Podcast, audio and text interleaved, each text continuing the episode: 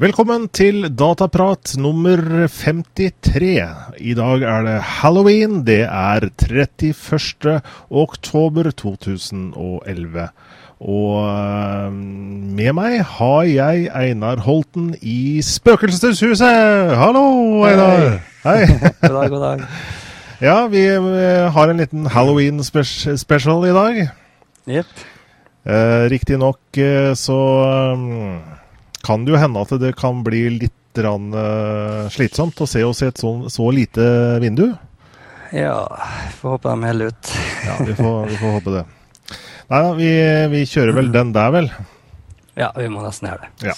21.40, vi er litt på overtid, men uh, det ser ut som vi har med oss noen seere som ser direkte uansett. Og mm. det er vi jo glade for. Og uansett så skulle man gå glipp av direktesendingen, som er hver mandag fra 21.30, ca. 21.30 til 22.30, så er vi jo alltids i opptak. Nå også på teknologia.no. Mm. Eh, og der har vi sett at det kommer flere serier til, og selvfølgelig også på arkivet, vårt eh, eget arkiv på direkte-TV. Uh, ja, og også iTunes da i lydpodkast-versjon for de som, uh, som, lytter på den. Og jeg vet det er noen av det, de også. Vi får en, en annen mail, det er ikke mange, men en annen kommer i hvert fall. Mm. Ja. Skal vi godt, uh, like godt dra i gang første sak, Einar? Ja, det kan vi gjøre. Ja.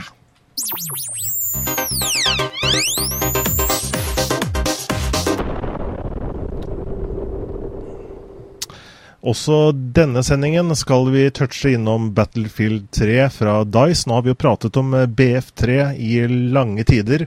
Og endelig så er jo spillet ute. Eh, den kom da torsdag 01.00 norsk eh, tid. Og har du mm. fått testet, Einar? Ja, jeg har fått testa singelplayeren eh, i noen timer. Så jeg har ikke skaffa det sjøl ennå, men eh, får se om jeg gjør det etter hvert. Mm. Ja, altså det begynte jo litt med problemer, egentlig. I hvert fall for meg. fordi at eh, når jeg da kom hjem fra jobb og fikk dit til å sette meg ned torsdag ettermiddag, og skulle da eh, etter Jeg hadde jo gjort den forhåndsnedlastingen ikke sant, slik at jeg var klar, slik at ikke noe tid skulle gå til spille.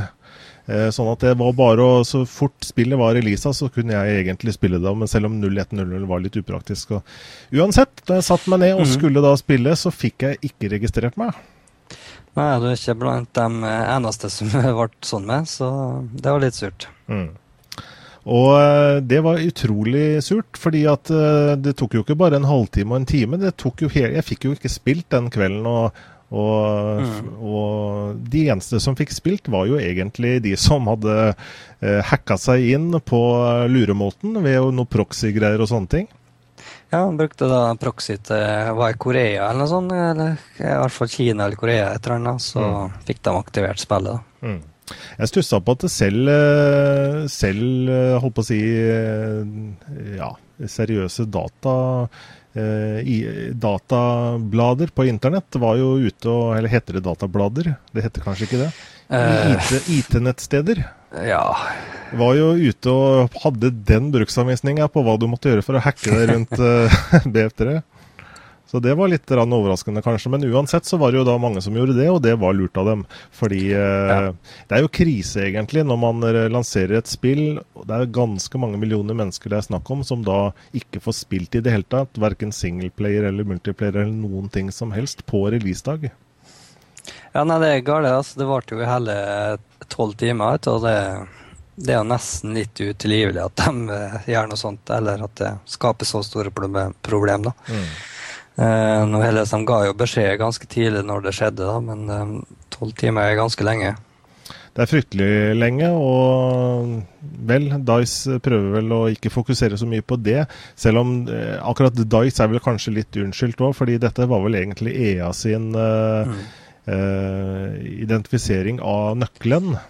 Ja, det var da Origin, da, som mm, da er det nye, nye digitaldistribusjonsprogrammet deres, eller tjenesten, da. Mm. Så den uh, aktiveringsdelen der den fungerte ikke som den skulle. Uh, men jeg forsto slik at battle, battleloggen-serverne og sånn fungerte sånn de skulle, stort sett. da. Mm.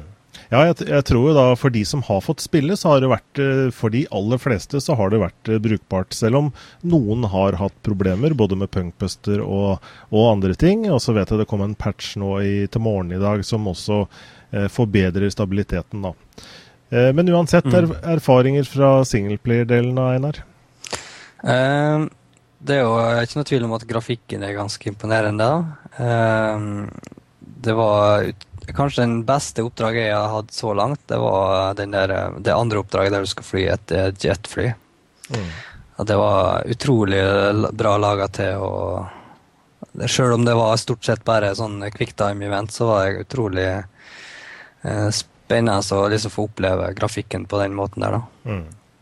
Og så det Samtidig, når du liksom letter, så kommer jo den Battlefield-musikken inn, og da ja, da blir det sånn helt topp opplevelse. Mm. Eh, men ellers så Ja, kampanjen er ganske grei.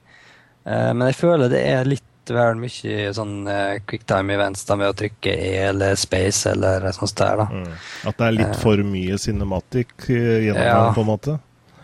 Jeg syns liksom litt sånn um, Det er ikke så altfor mye, da, men jeg, jeg syns de gjerne kunne bare hatt det minimalt. da. Mm.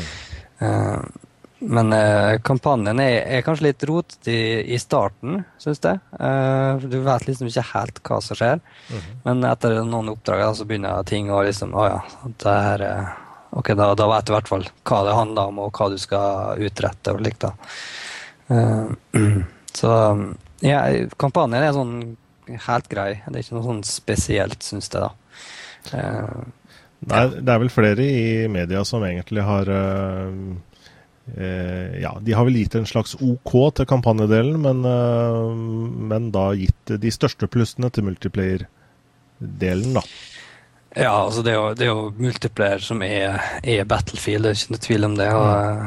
jeg skal få, få prøvd det etter hvert. da. Mm. Før vi snakker om multiplayer, forresten. Kampanjedelen, hvor lang tid brukte du på å dra gjennom hele? Nei, jeg har ikke, jeg har ikke spilt gjennom heller. Okay. Jeg bare testa med en kamerat i noen timer. Jeg tror en, rundt en fire-fem timer, kanskje, maks. Mm. Mm. Um, og ja, jeg vet ikke hvor mange baner ut jeg kom, men et stykke i hvert fall. Det er noe tanksoppdrag. Mm, mm. uh, men det var en del bugs i kampanjen da, som jeg opplevde. -hmm. Uh, blant annet at fienden poppa opp spesielt på et brett at de poppa opp bare rett attmed meg og begynte å skyte. Og det var ikke noe særlig. eh, også det at eh, jeg går inn i et rom først, og de som er på laget mitt, er bak meg, og så plutselig står de, står de foran meg og venter at meg dør, da. Så bare sånn hm. Hvordan kom dere dit? Men, men, det er jo ganske minimale ting, da, men det, liksom, det, det ødelegger litt opplevelsen. da. Mm, mm. Men er det noe Er ikke det litt sånn det ofte er i, i mange andre kampanjespill også? Jeg kan ikke si at jeg opplever det så litt, mye det siste. Ah, ok, Så det var litt ekstra mye i negativ retning for eh, BF3? Ja, jeg kan ikke huske sist jeg så noe sånt eh, gale sist, faktisk. Nei. Eh, blant seerne våre så er det jo litt blandede meninger der også. Noen syns det er kjempe artig, og andre har vel ikke helt bestemt seg. Jeg har jo da spilt Jeg har ikke spilt verken Coop eller, eller Campaign, men jeg har jo da brukt, eh, ja, ifølge statistikken her, en seks timers eh, tid på eh, multiplayer. Mm. Og jeg syns jo den eh, Hva skal jeg si? Det, jeg syns det ser lovende ut. Jeg, Førsteinntrykket er vel at det ligner veldig på Bad Company 2, og det er jo ikke så unaturlig, fordi at eh, Eh, BF3 er jo på en måte en videreføring av, av Bad Company 2 i forhold til uh, hvert fall man har jobbet og utviklet da den samme eh, grafikkmotoren, ikke sant? Eh, mm. Hvor den er utvikla selvfølgelig til Frostbite 2.0 nå, da. men så helt ulikt er det jo ikke. Og det, disse spillene er jo laga på en måte innenfor samme tidsperiode også, da, blant, mm. blant utviklerne. Uh, men allikevel, det er, det, er nok, uh, det er nok mer solid multiplayer-del i BF3, og jeg tror nok det er der alle klutene er lagt også. Uh, mm. Jeg tror det er veldig viktig for Dice også nå å ha et, et stort multiplayer-spill for, for framtiden, for å kalle det det. Ja, absolutt. Altså, akkurat nå så er det kanskje ikke noe lekkere multiplayer-spill. Men, men jeg, når jeg spilte betaen, så hadde jeg utrolig trøbbel med, med at du så utrolig dårlige folk. da. Du ser, du ser selvfølgelig lysa fra dem, da, men eh, mm. det var så utrolig stort problem med at uh, snipere campa i busker, og det var umulig å se dem og alt sånt der. Så jeg, jeg vet ikke om det er noe, føles annerledes ut nå på nettet, om, om problemet dere var bare i starten, eller hvordan det er. Jeg tror nok snipere er et litt sånn uromoment enda. Jeg tror nok det er en sniper som ligger i en buske i prune, eller sånn uh, rett ned på bakken, det er ikke så lett mm. å se. Og det er, for de som bare er ute etter kills, så er det, er mange som velger den klassen. Og det, det er nok ikke så mm. veldig populært på de åpne mappa, da. Nei, altså Det er jo greit at det er jo noen, et par, par-tre stykk, men problemet når jeg spilte B, det var at halve serveren var snipere, så det var, det var, ikke noe særlig artig. da. Mm, mm. Så det, det, er litt, du ødelegger liksom opplevelsen av det. Ja. Eh, I hvert fall en god del som spiller det. Nå har jeg ikke tallene i forhold til konsoll, men der er det jo mange. Eh, bare PC-biten. Jeg tok ut en statistikk for en times tid siden fra Battle Tracker. Og statistikken der viser jo at det var da 166 000 mennesker som spilte. Det er over 12 000 servere oppe. Til sammenligning da, så er det jo fortsatt eh, 6600 som spiller Battlefield 2. Mm. Og, Men det er noe aktive nå? Det er uh, de som spilte da når jeg tok ut statistikken for en times tid siden. Og så må man ta en klype salt, da, for dette er jo da en tredjepartsside som på en måte mm. plukker ut informasjonen på, med, ved hjelp av Erkon-verktøy osv. Ja, nei, det virker ikke så altfor høyt, da, men uh, 166 000, ja. Skal jeg forresten ja, se ak akkurat uh, nå, da, når det er blitt litt uh, seinere på kvelden Mm. Så skal vi se live nå hva som står da. Ja, det har gått opp litt. 171 000. Ja.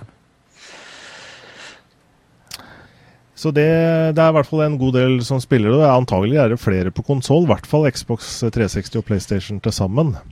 Ja, altså akkurat nå så er det i en, eh, en tidssone der uh, kanskje ikke altfor mange sitter og spiller. Men uh, altså, selvfølgelig Europa mm. sitter jo og spiller litt nå, ja. men uh, USA har ikke begynt ennå. Nei.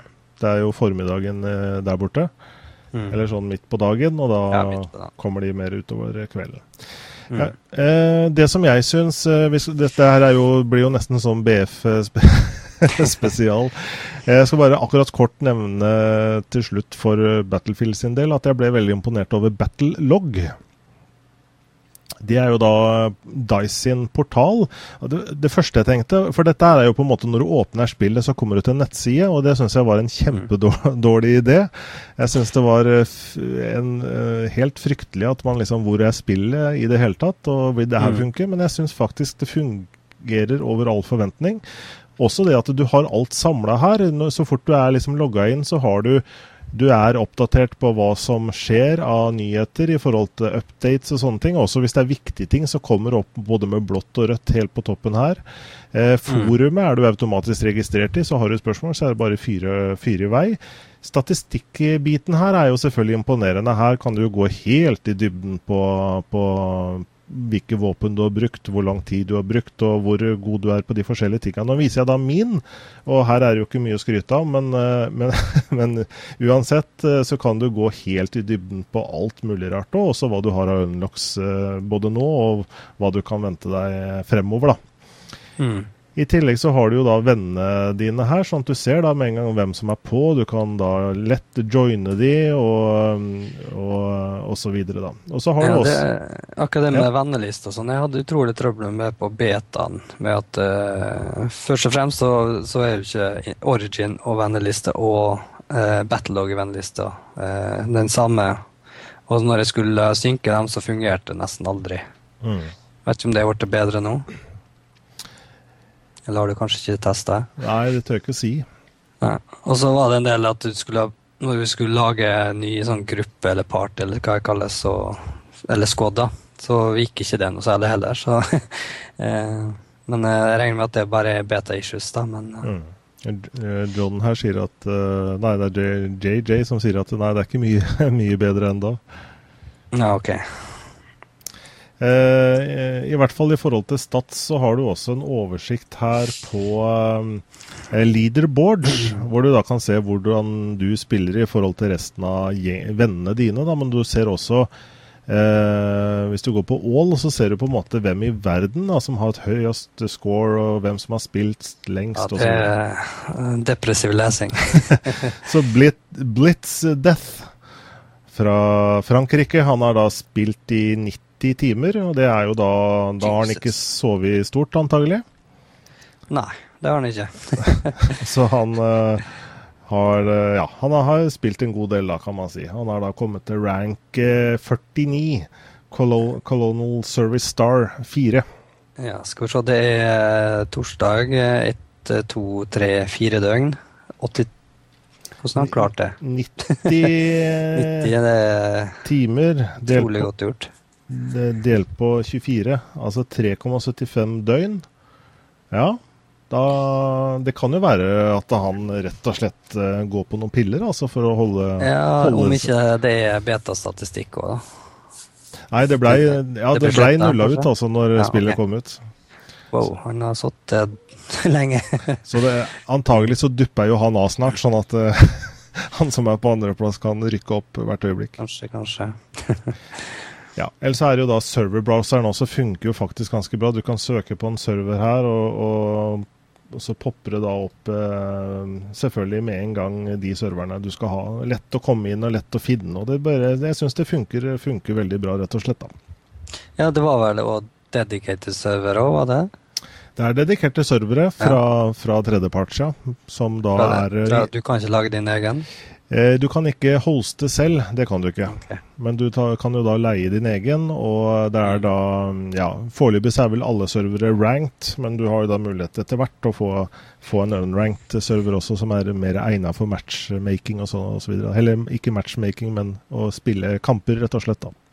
Ja, altså jeg, jeg syns egentlig vi burde ha mer eh, dedikerte servere. da. Mm. Eh, for det er forferdelig å, å arrangere matcher, syns jeg. Mm, mm. Når du er avhengig av online. Ja. Sant. Men, uh, ja, nå ser jeg at Modern Warfare i hvert fall har fått det, da. Men uh, jeg skulle gjerne ønske at Battlefield hadde offisielle òg. Ja, det ble vel sagt uh, nå på, på, Modern Warfare 3 at det kommer da dedikerte servere som du kan hoste selv. Da mm. eh, ikke ranka servere, men, uh, men uranka servere.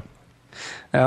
Eh, når jeg var på LAN sist, så var det noe det at eh, vi skulle da arrangere eh, konkurranse i Modern Warfare 2, da, og det, det var forferdelig å, å, styre, å, sette opp, da. Men jeg regner med at det er litt bedre i Battlefield, da. Mm. Eh, akkurat på den delen. Mm. For du kan jo vel lage dine egne private matcher, vil jeg håpe.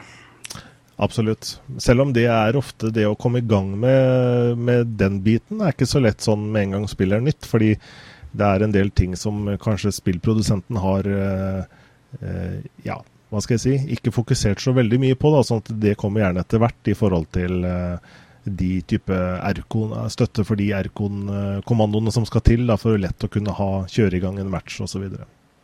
Men, det, men det kommer. Yeah. Og veien er ikke lang fra Battlefield 3 til Modern Warfare 3. Og det er en nyhet der også siste uke, og det var jo det at eh, også Jeg vet uh, Battlefield 3 ble vel lekket noen dager i forveien, og også eh, selve MB3 ble jo da, er da lekket ut. Det er noen som har stjålet med seg noen kopier, og det har jo da mm. begynt å spre, spre seg rundt dette her.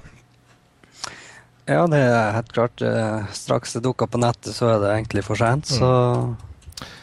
og, og, der er det da advokater som er rundt, eh, sies det, og eh, bøtelegger disse som, som, de har klart å spore opp. Og det er snakk om 5000 dollar, eller ca. Ja, omregnet til 27 000 norske kroner, eh, hvis du da ikke velger å levere spillet fra deg. det er klart at eh, når du får det valget, så, så glad er du ikke i Modern Warfare 3. Nei, nå ser jeg at den ligger ute på nettet og har logget i hvert mm. fall i et par dager, så Men, Og det er ganske mange som uh, deler det. Mm. Så altså Det er jo selvfølgelig dem som vil ha absolutt ha spillet, så det er jo vanskelig å unngå dem. Mm. Men det er jo absolutt ikke bra at det lekker såpass tidlig, da. Nei, for det er jo enda Ja, det var det 10. november, eller noe der omkring? Ja, skal vi se, det er vel den uh, Det er vel 14 dager til, ikke Ja. ja. Nøyaktig 14 dager til. Ok. Ja, så da er det kanskje like greit å smøre seg med med tålmodighet for de som, uh, som velger den, uh, den FPS-en.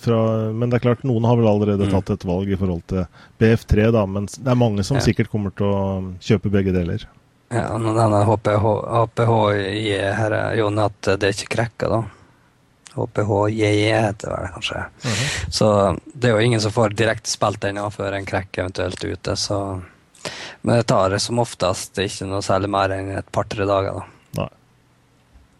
Ok. Jeg vet ikke hvilken uh, sikkerhetssperre de har uh, på spillet, da, men Nei. Tør ikke å si det.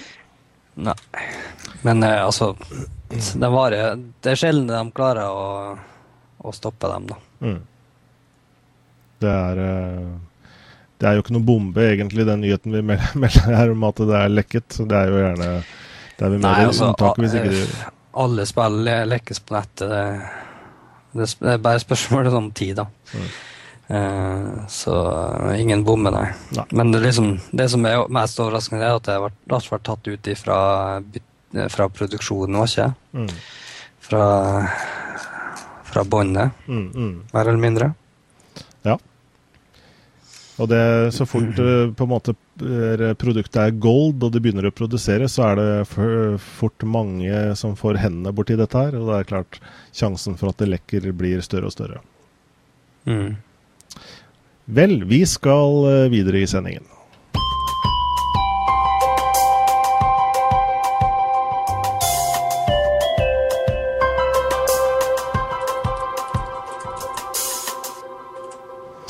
Og felles for de spillene vi har snakket om nå, og felles for veldig mange spill, det er at de er da multiplattform. Dvs. Si at spillene skrives for eh, både PC og de konsollene som er. Spesielt av Xbox 360 og PlayStation 3, men noen ganger også vi og eh, Nintendo-konsoller, disse mindre enhetene, da. Men eh, selvfølgelig da i litt eh, forenkla utgaver. Men eh, først eh, fortrinnsvis Xbox 360, PlayStation 3 og PC. Det, hva, mm. hva, kan vi si om det, Einar? Er det noen fordeler og ulemper med det? Jeg vet du har skrevet litt på, på ekstraliv.nett, bloggen din, om det nå i uken som gikk?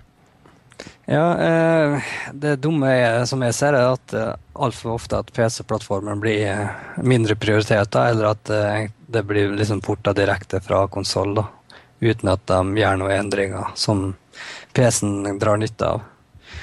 Eh, nå posta jeg jo et ganske Eh, greit innlegg om det, da. Ja, Nokså langt. Eh, der jeg tar, eh, tar, opp de forskjellige tinga jeg syns er dårlig, da. Mm.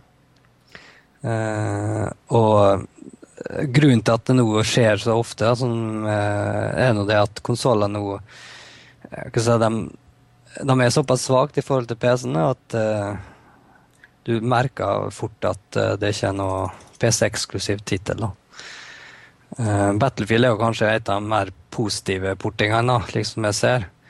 Men du har fremdeles det at uh, loaderskjermen i eh, Battlefield er bare 2020P. Så det er en svart skjerm rundt, og så har du at du må trykke enter for å, trykke, for å starte menyen og sånn. Det er jo utrolig lat PC-konvertering, da. Mm. Jeg vet ikke om Dice har sagt det spesifikt, men eh, der har det vel gjerne De har vel fokusert litt på PC-biten, i og med at mm -hmm. de har hatt så stor eh, fanskare blant Selvfølgelig i og med at serien har bare vært på PC tidligere. Og mm. de sier jo at de ønsker å fokusere først og fremst på PC-utgaven, og at uh, det er der de har lagt uh, trykket sitt. Og det kan nok stemme også, men, mm. men uh, for veldig mange så er det jo omvendt at man fokuserer på å kunne spille spillet på konsollene, og så driver de bare og lager en, en port. Rett og slett en ja, hva gjør man nesten? Man eh, kopierer det nærmest til PC-språket, PC for ja. å si det forenklet. Sånn at det bare funker mm. der. Og så må de bare huske å ta bort de der, eh, disse trykknappemenyene med firkanter og trekanter og sånn, og kanskje gjøre litt mer mus- og tastaturvennlig, da. Ja, og det siste eksempelet på det var nå Rage, da, eh, som er da og spilt. Eh, men der har du det at menyene er utrolig konsolidert. da, at de er du kan ikke engang bruke musa i menyen, nesten. det, også det at du å bytte våpen og ammo og sånn, er utrolig kronglete med, med mus og tastatur. Mm. For du må trykke inn kontroll, og så må du trykke på hva ammo du vil ha, eller våpen du vil ha. Du har noen hurtigknapper som du kan, eh, kan, du kan sette opp. da. Det er oppe i F1 og F4 opp der. Mm -hmm. Men det er liksom tungvint. Det er ikke akkurat en hurtigknapp når det er langt unna der du styrer og sånt der. Så det, det, er sånne ting som irriterer meg, og jeg, jeg syns bare det blir verre og verre. da. Um, og spesielt i Rage da har vi det med teksturene, da. Som faktisk eh, ser ut som uh, teksturer som var på PC for ti år siden. Det er ganske dårlig. Mm.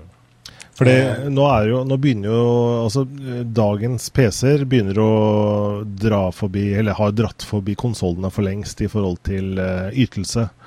Mm -hmm. Og det er jo litt problemet, da, at uh, man skal på en måte lage et spill som er uh, etter dagens standard grafikkmessig, og det er begrensninger på konsollene.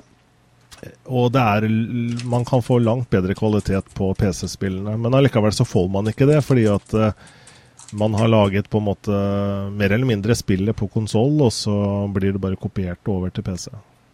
Mm. Og eh, det er jo greit at de lager etter PC òg, men liksom, de tar aldri noe ettertanke med å, å porte over. da. Mm. Eller i hvert fall ganske sjeldent. da. Sånn at uh, det blir bare simpel og oppdatering, og så de ikke noe mer enn det. Mm. Og ja, jeg vet ikke hva, hva jeg skal si. Altså det, og i tillegg da, at jeg òg ser altfor mye mer av noe, er at du, du får seg tutorial-tingen i starten.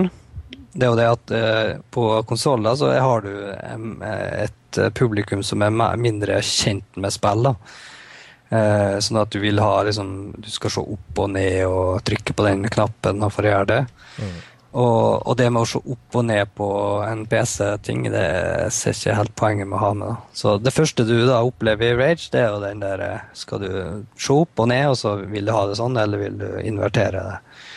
Og sånne ting. Jeg skjønner ikke hvorfor de har det på PC engang.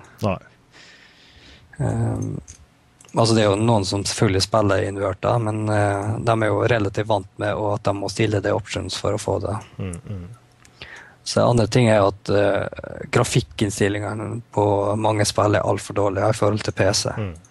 Sånn at du kan bare stille på oppløsninger og kanskje, hvis du er heldig, antellastinger. Mm. Ja, det er definitivt et uh, problem. Jeg tror nok produsentene av spill også er klar over det, men uh, det er på en måte en avveining da, i forhold til hvor, der hvor pengene er og hvor salget er. Og PC blir jo en minoritet etter hvert, dessverre. Ja, den blir det. Um, nå er jo mange, mange, millioner som spiller på PC òg, men uh, det er et vanskeligere publikum å nå ut til. Da, for uh, altså, Det er ikke noe å skjule at piratkopiering er et problem, men uh, det er ingen som vet hvor stort problemet er. Da, så jeg har litt problemer med å se at de ikke skal investere litt på PC-plattformen nå. Mm, mm. altså, du ser jo både Blizzard og Valve har stor suksess på PC, så mm det, altså, Lager du et godt spill, så ser det. det. Det er ikke noe tvil på om det. Mm. Ja. Du har i hvert fall eh, et godt innlegg på bloggen din der, ekstraliv.net. og Der går det an å gå inn hvis man skal, ønsker å lese eh, på en måte hele artikkelen din. Den går ganske grundig gjennom argumentene dine, og en, absolutt en, eh, noe jeg vil anbefale seerne å, å lese.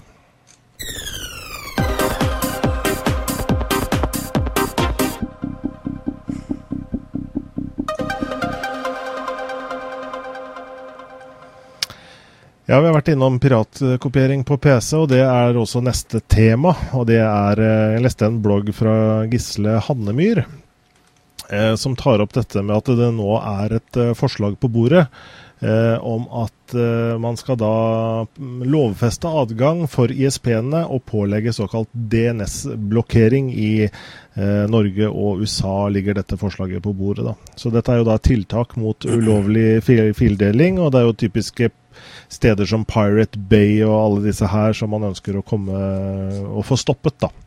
Eh, per i dag så er det jo ikke noe hjemmel for det, slik at eh, selv om eh, det finnes mange ulovlige nettsteder der ute, så, så vil ingen ISP-er i Norge kunne stoppe tilgangen dit.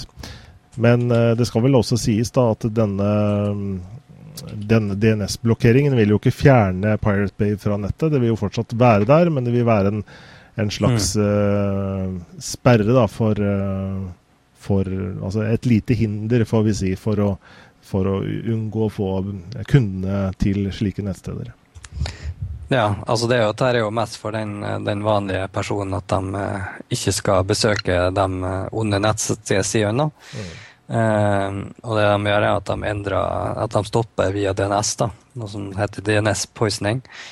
Uh, og det er noe som skjer eh, her og der på nettet allerede, da. Så det er ikke akkurat noe sånn Både i Norge òg, faktisk, som jeg nå nevner i, i innlegget der. Mm. Ja. det spesielt da barneporno som er da et problem der. Mm. Eh, barnepornofiltre og sånne ting er det jo da eh, noe hjemmel for eh, allerede, etter, etter det jeg forstår. Mm. Uh, og dette er jo for så vidt ikke F.eks. i Danmark så er dette allerede innført i, for flere år siden. Uh, uten at det kanskje er noe stort problem der. Men uh, selvfølgelig DNS-blokkering er jo et stort problem i type land som Kina og sånne ting. Mm. Hvor det er liksom store steder som ja, til og med NRK er blokkert, og YouTube og, og flere andre. Ja, altså det er jo, det er jo måter å omgå det der på. da. Eh, du har jo proxy her òg. Mm. Eh, altså, den som vil, den klarer det uansett, da. Men mm. det her er egentlig bare mest for å stoppe eh, ja, vanlige folk. Mm. Eh, for eh, blant annet Pirate har jo eksplodert siden det kom i media, så ja, det, det er ikke noe rart at de ønsker å gjøre noe med det. da. Nei. Og uh, altså det, uh, det, det, er liksom et, et sånt dilemma. da, Enten uh, vil du ha det i media eller ikke. da. altså det, blir jo populært når det dukker opp der, men det Får nå håpe i hvert fall at de klarer å gjøre noe med det. Men jeg, jeg vet ikke helt om jeg liker dette greiene her. da. Det, altså det er jo greit at de stopper de onde sidene, men ja, det starter jo alltid en plass, så det hindrer dem ikke å begynne å, å blokkere sider som vi da eh, kanskje besøker, mm. som ikke er vondt på, eller et eller annet sånt. Så. Ja, det er jo selvfølgelig det er et slags førstehinder for en del uh, som kanskje ikke er så datakyndige, da, men dette med DNS er jo lett å, lett å omgå. Eh, men uansett så er det et slags middel for, også for å på en måte litt tydeligere si da overfor uh, forbrukere i Norge at uh, disse stedene skal du ikke besøke. For her, her, kan du, her, kan du, fort falle for fristelsen å laste ned Modern Warfare 3. Selv, selv, om slike nettsteder er jo ikke Det er jo ikke Alt som er der, er jo ikke, heller ikke ulovlig, sånn at det blir en slags uh, det, ja, det blir eh, etter min mening å gå eh, for langt da, for, å, for oss som på en måte er, eh, har vært vant til en, snart en generasjon med et åpent og fritt internett, uten at så mange nordmenn tror jeg har tatt skade av det. Nei, det, det er jo sant, det. Men altså Vi ser jo nå at internett, da, som du nevner, at det, det, begynner å bli litt mindre fritt. så Jeg håper bare ikke at det, det går for langt, da, det greiene her. Mm. Eh, det, jo, det kommer helt sikkert til å opprettes en organ som da bestemmer hva som blir blokkert og sånn. Mm. Um, så jeg håper i hvert fall de gjør jobben sin, og at, uh, de ikke bare ser blindt på det med en gang. Mm. Så, men det, det, er jo litt av en jobb. da, Det er jo uh, mange milliarder nettsteder, så de skal ha mange ting å gå gjennom før de da eventuelt blokkerer. Mm. Ja. Det står i hvert fall altså Dette er jo en type ting som uh, ikke vel har fått så veldig mye fokus i media. Det er ikke så mange som bryr seg om det, tydeligvis. Det er vel også poenget til Gisle Hannemyr her. og Han skriver en ganske interessant artikkel på sin blogg, da, som er uh, hannemyr.com. Uh, så jeg anbefaler de som vil vite mer om det, å gå inn der og lese artiklene hans. Mm.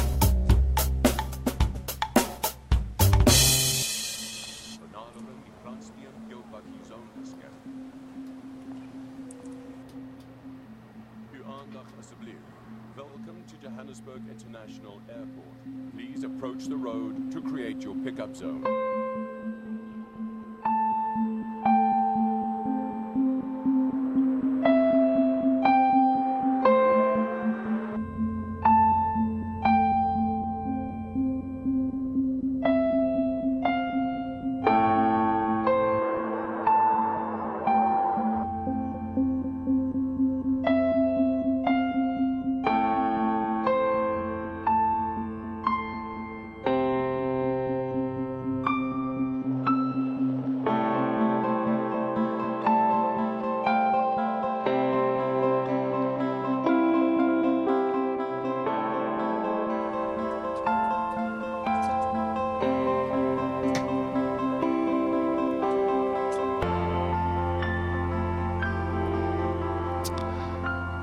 De som hører på lydpodkasten nå i arkivet, lurer på hva som skjer, tror jeg.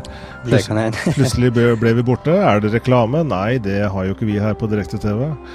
Men vi viser en konseptvideo fra Microsoft, Microsoft Office, som eh, jeg syns laget en ganske interessant video her. Eh, som sier litt om eh, hvordan de ser for seg fremtiden, da, både i forhold til kommunikasjon, eh, bekvemmelighet, framkommelighet eh, booking av hotell osv. Ja, altså alt er jo ganske sømløst da, med både med da alle skjermene snakker med hverandre, og utstyret snakker med det og alt sånt. Så det er utrolig interessant video. Og eh, ja, det er litt artig å se hvordan de ser for seg framtida. Mm. Eh, men der er jo skal 2019 eller sånn, var videoen eh, beregna for. Mm. Det er jo langt fram i tid, men teknologi går utrolig fort fram her, da. Ja, og det er klart eh, de treffer nok ganske godt på en del ting. Og så er det jo en del altså sånne konseptvideoer er jo, det er jo mye, mye som aldri kommer kommer ut uh, i produksjonen, selvfølgelig. Men uh, det er jo noen ideer som er interessante her, samtidig som det fort blir laget en ny konseptvideo etter hvert som man ser at oi, man holder jo ikke en telefon i handa lenger. Det er ikke på den måten det foregår. ja, altså det, det jeg kanskje la best merke til sjøl, det var at det, mobiltelefonene faktisk er bare glass. Sant? Mm. De er ikke fleksible som de faktisk allerede vil komme med neste år. Mm. Så um, jeg, jeg savner liksom de mobiltelefonene du kan bare brette sammen i en liten uh, bit, og så bare vri dem ut igjen, så å si. Mm. Men uh, det blir kanskje ikke en reali realitet på en god stund, da. Men uh, jeg skulle gjerne ha sett den typen der, da, i den videoen. Mm, mm. jeg vet ikke om du har sett noe av de nye hologrammer til Eh, til Microsoft, det er det vi jobber med. Jeg har sett noe av det, og jeg hørte også Eric Smith hadde en eller annen forelesning. Jeg er glad i å se på det Eric Smith uh, gjør av forelesninger. Han, han, stiller jo opp på noe, og en del av dette blir jo filma og ligger på YouTube senere. Og han har jo en del sånne vyer. Uh, han er jo da styreleder i, i Google og har en del vyer om framtiden. Han snakker jo også om, om hologrammer, da, at det blir det neste nå. At det er måten å kommunisere på, fremfor type Skype, sånn som du og jeg eh, ser, ser hverandre og prater med hverandre nå. Da. Altså, mm. Vil vi få en mer en 3D effekt og en, ja, en rett og slett en større bevissthet, nærhet til den du prater med. Da. Et hologram er jo rett og slett ja, Er det ikke en 360 graders nesten hode av deg, da? Hvor, hvor, du bare står rett opp på pulten min her og, og kan prate? Ja, det, det, finnes flere vari varianter av det. da. Du har jo den som da er i 3D, eller så har du den som da er bare i 2D, da, der du, du dukker opp bare midt i lufta sant? Mm. uten en, en skjerm å, å vise det på. Ja, det er et bra forslag fra chatboksen her at uh, Dataprat program nummer 300 kommer i hologram. da hadde vi jo Dataprat eh, ja. 50 i HD og 300 i hologram. Da spretter vi opp blant uh, hjemmene til uh, seerne våre. Ja, det kunne vært interessant. Jeg vet ikke om det er uh, noe framskritt, kanskje, men Nei, altså, hologram det har jo sitt bruksområde, men jeg tviler litt på at vi vil, vil ja, se film og sånt på noe hologram, da. Mm. Eh, jeg tror da heller, eh, heller at veggene blir da mer skjerma, i, i, så fall. Mm, mm. Hologram er jo ganske stilig sånn, hvis du skal ha prestasjoner eller et eller annet sånn, da. Mm. Eller møter, da, der du har hologrammer til personene på stolene, et eller annet. Ikke sant. Det er eh, fremtiden. Vi, det er jo det som er så spennende med fremtiden, og det er det vi er innom innimellom. Dette med den teknologiske verden som vi lever i, som gjør det så utrolig spennende. Og vi får bare håpe vi får leve en dag av gangen og få oppleve noe av det. Nå er, jo, nå er jo vår generasjon sånn, sånn slik sett at det, vi får nok se noe imponerende underveis, vi også. Men, eh, men det er jo nesten utenkelig for oss hva som kommer etterpå det og lenger frem i fremtiden? Ja, altså, eh, altså, Det er litt rart å tenke på at vi eh, for eh, knappe ti år siden vi, så hadde da var PC-en ikke noe særlig sterk. da. Altså, du har jo på, Det var vel da ca. gigahertz-grensa kom. Mm. Eh, og nå har vi nødvendigvis ikke fått raskere eller høyere frekvens, men mm. eh, prosessorene er jo så utrolig mye kraft med så og så mange kjerner at eh, det skal bli spennende å se hvor, eh, hvor vi blir tatt framover. Mm, mm. uh, og, og, det at Og nå har vi jo Nå er jo flatskjermer helt dagligdags. Sant? Og for uh, ja, fem-ti år siden så var det egentlig vanskelig å, å se, se, på noe annet enn CRT, egentlig. Mm. Det det er litt artig å se. Vi har jo sånne LAN-parties hvert eneste år. Og du skal ikke så mange åra tilbake før du liksom du ser sånne bilder av salen. Da sitter alle med sånne kjempesvære skjermer. Vi snakker bare om liksom 2005-2006, som ikke er veldig langt tilbake. Og i dag mm. så er jo alt bytta ut. Eh, til og med flat, Hvis du går på um, elektronikkbutikker nå så ser du jo liksom det som kastes der nå, er jo flatskjermer. Man skal ha enda tynnere og nyere flatskjerm, ikke sant? Mm, og det neste da blir jo, ehm, blir jo dem eh, Hva heter det nå? Eh, så ekstra flatskjermene. Åh, oh, søren, heter vet det. OLED heter det. OLED, ja. Eh, det er jo det som blir det neste, så å si. Men de er såpass dyre ennå, da, så ehm, Men nå er jo LED populært. Plasma er kanskje mer på vei ut. Eh, Pga. at de bruker mye strøm. Ja, jeg tror eh, ja. Det er vel litt uh, smak og behag, kanskje. og Litt uh, avhengig av hva du skal bruke TV-en til òg. Jeg tror kanskje en del sånne hardcore filmfans uh, sverger til plasma ennå, men Ja, det er jo det egentlig OLED skal rette på, da. Det er jo den perfekte kombinasjonen mellom plasma og LED, da. Mm. Men Størrelsen på skjermen er et stort problem der ennå, men det finner de helt sikkert en løsning på om ikke så altfor lenge. Mm, mm. Uh, og da blir det jo millimetertjukke TV-er. Mm. De er jo allerede tynne, men da blir det faktisk enda tynnere. Mm. Så det blir sjukt å se. Det er jo ikke lenge før du bare limer den fast på veggen. Ja, og det at det bare blir et lite sånn tynn plakat som du klistrer opp på veggen, det var utenkelig for uh, bare noen få år tilbake, men uh, vi er liksom ikke så veldig langt unna. Nei, vi er faktisk ikke det. Og det er ikke bare skjermer heller. Du har jo PC-er òg. Nå er jo System on a chip eh, så utrolig inne, da, med da mindre og mindre enheter og slik. Mm. Så mm. ja, det skal bli artig å se om eh, noen få år. Ja, og vi er jo i hvert fall såpass gamle, både du og jeg, da, at når vi var små, og når jeg var uh, fem år, så var det jo ingen som hadde datamaskiner hjemme. Det var en uh, Hjemmedatamaskin var jo ikke vanlig i det hele tatt. Og så kom det da i liksom 83-84 med disse type hjemmekomputerne hjemmecomputerne, da. Commandore selvfølgelig, og, og Atari og, og, forskjellige ting begynte å komme. Så vi har på en måte vært med på en veldig veldig stor utvikling de årene. Selv om det, det har gått noen år også, da. Ja, det har den gjort. Eh, ja, så Jeg husker jo godt når jeg fikk min første Commodore 64. da. Eh, det var eh, helt spesielt. Mm. Selv om det da var, var kanskje åtte farger. Men altså, det var det at det var kanskje det som ga, ga, ga meg interesse med teknologi, da, vil jeg tippe. da, Så mm. det har egentlig bare gått derifra oppover. mm. Ja, altså man, eh, Dette her var jo noe nytt, ikke sant? og man fikk en slags eh, hva skal jeg si, en, en spesiell følelse med at uh, dette var utrolig spennende. og det var liksom det var jo ingen begrensninger i en Commodore 64. Den kunne alt. Og mm. den varte jo selvfølgelig i mange år også. Man hadde mye glede av den. Og ja, VIC 20 som nevnes her, som var forgjengeren. Um, mm.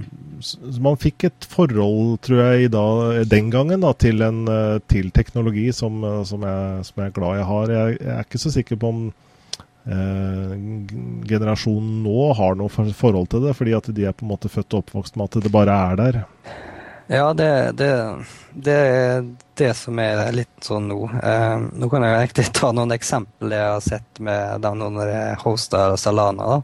Mm. Eh, med at de dagens ungdommer da, som er da ja, født i rundt 95 og sånt der, de, eh, de, har egentlig ikke mye peiling på hva som skjules i en PC lenger, eller hvordan ting fungerer.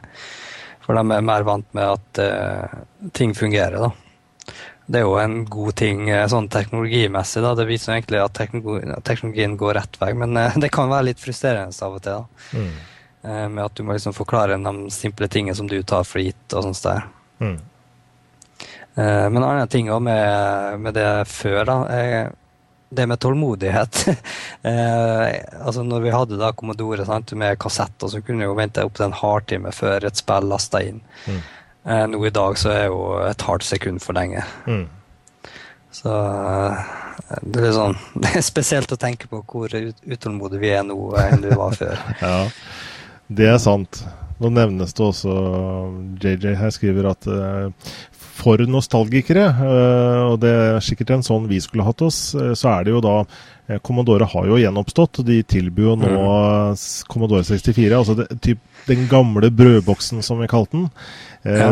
Den selges jo nå selvfølgelig med litt annen innmat, da, sånn at du kan bruke den til dagens operasjoner. Men i hvert fall så ja. har, du, har, du, nostalgifølelsen, selv om jeg vet ikke hvor praktisk det er da, i dag. Nei, altså Problemet mitt med de, de nye C64-boksene er at de er så dyre. Mm.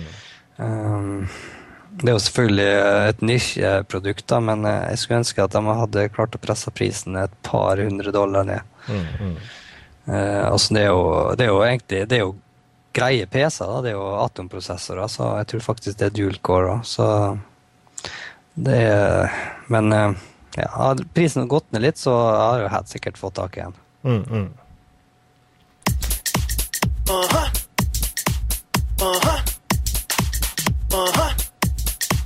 Come on.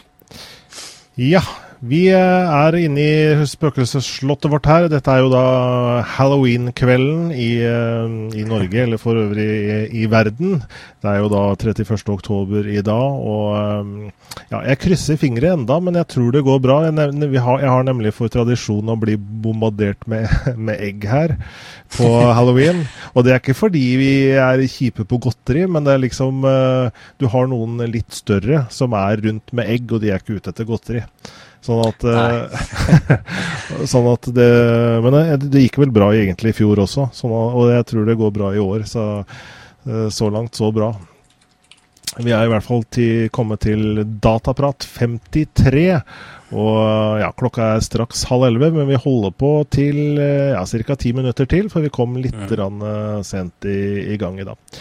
For dere som plutselig kommer inn på sendingen direkte her, så, så, er det mulig å logge inn i denne chatboksen under videoen og være delaktig i sendingen. Gi oss innspill, ros, ris, kommentarer. Eh, påfyll. Det er ikke alt vi kan, absolutt ikke, men vi er interessert i teknologi, og sånn sett så kan vi, kan vi være med på å informere hverandre, da. Uh, og opplyse hverandre om det som er så interessant og morsomt. Uansett så får du ikke med deg direktesendingen, så er vi altså i, i, opptak. Du slipper jo å ta opp sendingen, du, den tar vi opp for deg, sånn at du kan se den når du vil på arkivet vårt på www.direkte.tv. Arkiv er oppe i hjørnet et eller annet sted. Så kan man gå inn. Og, og vi er også på eh, eh teknologia.no, som er et norsk nettsted for, eh, for eh, teknologi. Data, internett, programvare, alt det der som er eh, interessant.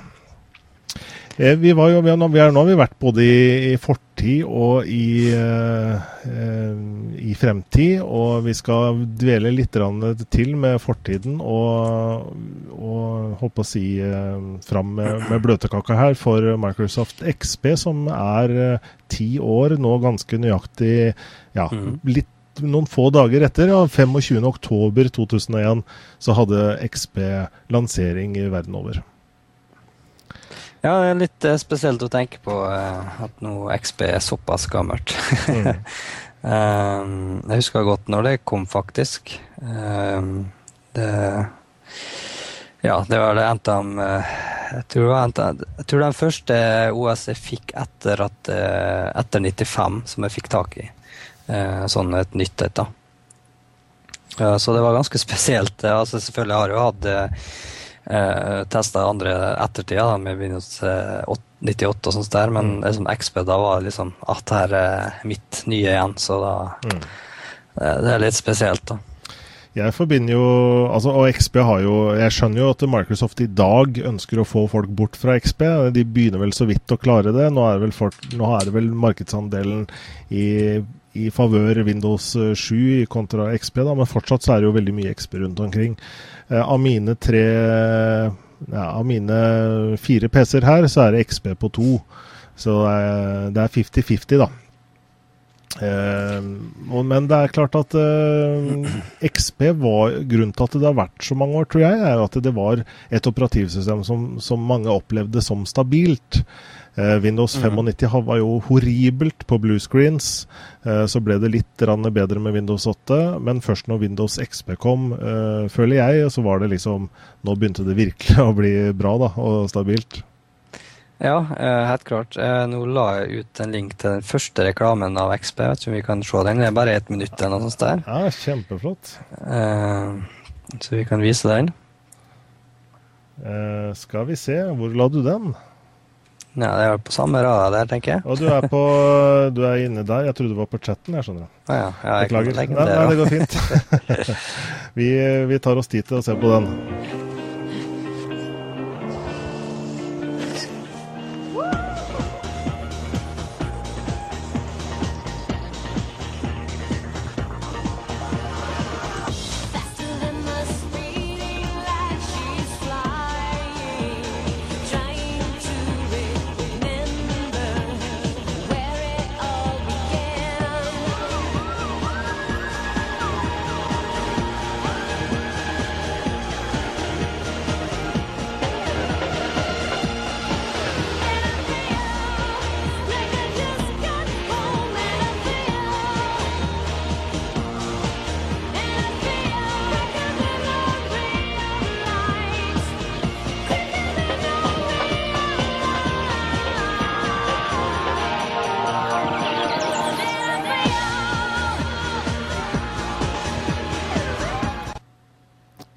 Yes, you can. Introducing XP. Ja, det var ikke verdens beste kvalitet, men det var, Nei, det. man fikk jo inntrykk av at det her, uh, man kunne jo fly når man kjørte, kjøpte seg det operativsystemet. Mm. Men uh, Ja, unnskyld. Ja, for min del så var jo egentlig XP en del av det som da customizable ser nå. da. Det at du kunne endre på OS både med themes og utseende. sånn funksjonsmessig og sånn. Liksom da, da jeg egentlig kommet ganske dypt inn i Windows, da. Mm.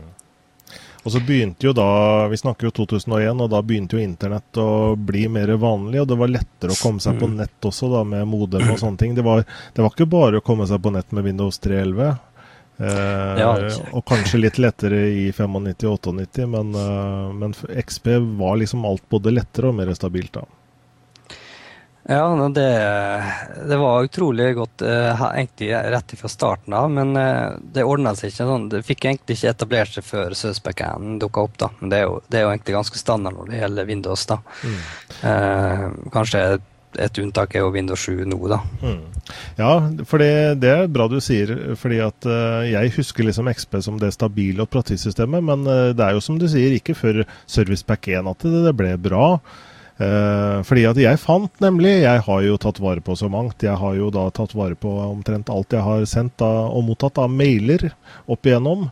Og jeg fant jo da en mail som jeg skrev 2.12.2001 til en eller annen fyr da, som jeg skrev at Hei, leser din melding på No IT OS MS Windows diverse. Det var jo da en news-avdeling. Uh, uh, det var jo det man brukte før i tida, før forumene, ikke sant, for å stille mm. spørsmål og dele informasjon. Eh, har du funnet noen løsning på, på, på, problemet? Jeg har nemlig det samme problemet som deg. Har en Compact Presaria 5676. Dette er rimelig frustrerende, og temaet var altså ustabil Windows XP. Det var før Service ja. Backend. Ja, jeg husker òg jeg hadde litt trøbbel med, med eh, XP og Nvidia, faktisk. Eh, det med at det verste er at jeg husker faktisk drivernavnet òg. Men uh, det var i hvert fall du, du, er syk. ja. uh, det var i hvert fall i starten der driverne krasja XP da, til bluescreen, Nvidia. og det tok tre måneder før den, en driver kom som faktisk fungerte. da. Mm. Og da var det, det kom nesten en ny driver for hver, annenhver uke som du måtte teste for å se men jeg løste problemet med å skru ned klokkehastigheten på, på, prosessoren. Da. Av en eller annen merkelig grunn så hjalp det. Mm. Så det var mange sånne rare, rare, rare problemer med XP i starten. da. Mm. Men det ordna seg. Eh, men angående de nyhetsgruppene Jeg husker faktisk at eh, jeg holdt med, faktisk med support-ting eh, og eh, diskuterte Windows eh, på den tida når XP kom. Mm. Litt uh, spesielt. Og da, da, var jeg på nyhetsgruppa nesten hver kveld uh, og snakka med folk og diskuterte. Det, det var litt stilig. Mm. Ja, det er, eh, det er i hvert fall et operativsystem som har vært med veldig mange verden over i, i hele ti år nå, altså. Men nå ser jeg LOI på chatboksen her skriver operativsysteminfo i forhold til markedsandeler. 68 Windows 7 nå, 18% bare XP. Det trodde jeg ikke var så lavt, men jeg vet ikke Den høres litt rar ut. Jeg vet ikke kilden her, men det, det, er det han skriver i hvert fall. 11 til Vista. Det, Vista er jo også noen, noe, i hvert fall noe som Microsoft vil at folk skal kvitte seg med fortest mulig, men det er jo også et OS som henger med igjen da, eh, blant mange. Analytics-tall. Ja, jeg tenkte jeg skulle ta og sjekke ut StatCounter, som da tar det online-PC-er. Mm. Uh, hvis jeg klarer å finne elendige charten her, da. Skal vi se Statcounter.com. Da, nå har den endra seg totalt siden sist jeg var inne her, da. Må vi faktisk uh, signe opp for å se på noe? Skal vi se, jeg hadde vel også en link til et eller annet uh, market share. Market share um, net, net, market share. Mm, ja, de har jo en, faktisk. Um, skal vi se Desktop uh, Nei, dette var browser. Operativsystem. Desktops. Skal vi se. Ja, det var uh, Gå på versions da. Uh, og her er det da um, ja, Her er faktisk XP desidert størst enda, da. 50,50% Windows 7 32,42, Vista 9% det er, Dette er blant uh, Dette er jo da blant alle OS-er, så Mac, Mac, er inne i bildet her også, da. Mm. Ja, nei, det, det, er litt vanskelig. Det alle nettsider har jo forskjellige kilder, så mm. ja. Eh, de hadde en sånn trend her, skjønner du. Skal vi se. Men er det Versons share trend? Den kan være litt interessant, fordi den sier jo da at um, eh, XP kommer da i september Ja, ja OK. Så det er uh, Den har uh, trend som har vært, så altså ikke trend fremover. Så da er vel det for, for, for så vidt ikke i definisjonen trend, når det, trenden slutter i september 2011. Ok. Litt upålitelige kilder eh, der, det, både det vi fant og Men uansett så var det vel en eller annen artikkel jeg leste nylig om at så vidt Windows 7 hadde, hadde tatt så vidt litt rann, Eh, over for Windows XP. da. Men det er klart at det er veldig mye XP rundt om, eh, rundt om i de tusen hjem enda da. Mm. Vel, vi har kommet til uh, veis ende i sendingen. Vi, uh, vi, kan vel fort nevne at Chrome 15 har kommet. Det er jo litt sånn under mm. panseret der, sikkerhetsoppdateringer som vanlig. Eller så er det jo da Eh, startsiden er jo litt rann, eh, Designmessig så har jo Google kommet seg litt. Rann. De har jo pønta litt på designet. Så først så får du da på en måte de sidene du er mest inne på. Her røper jo jeg at jeg er inne på Samferdselsbladet, VG, Vimeo, Komplett, Gmail, Google Nyheter osv. Direkte-TV på Facebook.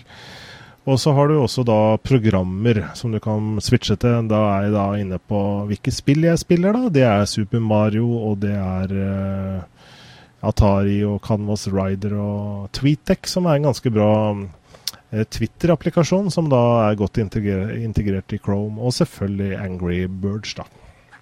Mm. Så det er uh, Chrome 15. Og ja mer, mer, er det vel kanskje ikke å legge til i, i dag? Nei, vi har noen små ting, da, men eh, det er ikke så utrolig viktig. Det, vi har jo alltids neste sending, hvis vi føler det er bra nok der. Definitivt.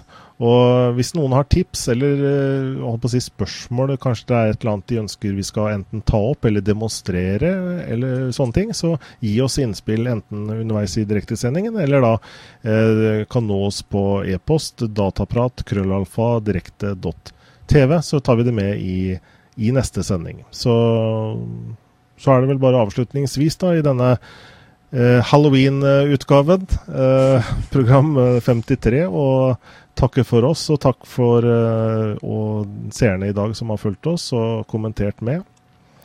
Jeg så lurer på hva headsetet ditt heter? Uh, ja, det er noen sånne propper som heter Ultimate Ears. Uh, eh, 700 er det vel, tror jeg.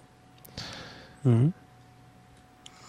Så de er gode sånn i, i Til å høre musikk med, og, eller også tale, som vi bruker. da. Så, og, og så tetter den ganske godt, for uh, det er det som er viktig for oss her da, når vi lager uh, sendinger, at vi har god lyd. Uh, og da er det godt for meg også å tette all støyen rundt her, for det er fullt av PC-er mm. rundt meg her når vi har sendinger. Og vi er ikke et sånn lydisolert studio, og dermed så er det greit å både ha en mikrofon som er litt mer sånn sensitiv, og også noen propper som tetter det hele, da. Og ja, så syns det ikke så godt, og det er også greit. De svære eh, Princess Leia fra Star Wars-klokkene som jeg hadde en stund, de, de ble litt dominerende. Ja, jeg har heldigvis litt mindre. mm. Men bra. Da tror jeg vi rett og slett, rett og slett sier eh, takk for nå. Tusen takk til deg, Einar Holten, også, for mm. å stille opp. Og så får du ringe tilbake da, og, og til eh, familien din og prate mer om de gifte, det giftermålet. Mm. Det skal jeg gjøre. Den er fin. Over og ut eh, fra Sandefjord og Ulsteinvik, så ses vi neste mandag. Da er vi ute i november, og det begynner å bli kaldt ute. Yes. Hei og hå. Ha det.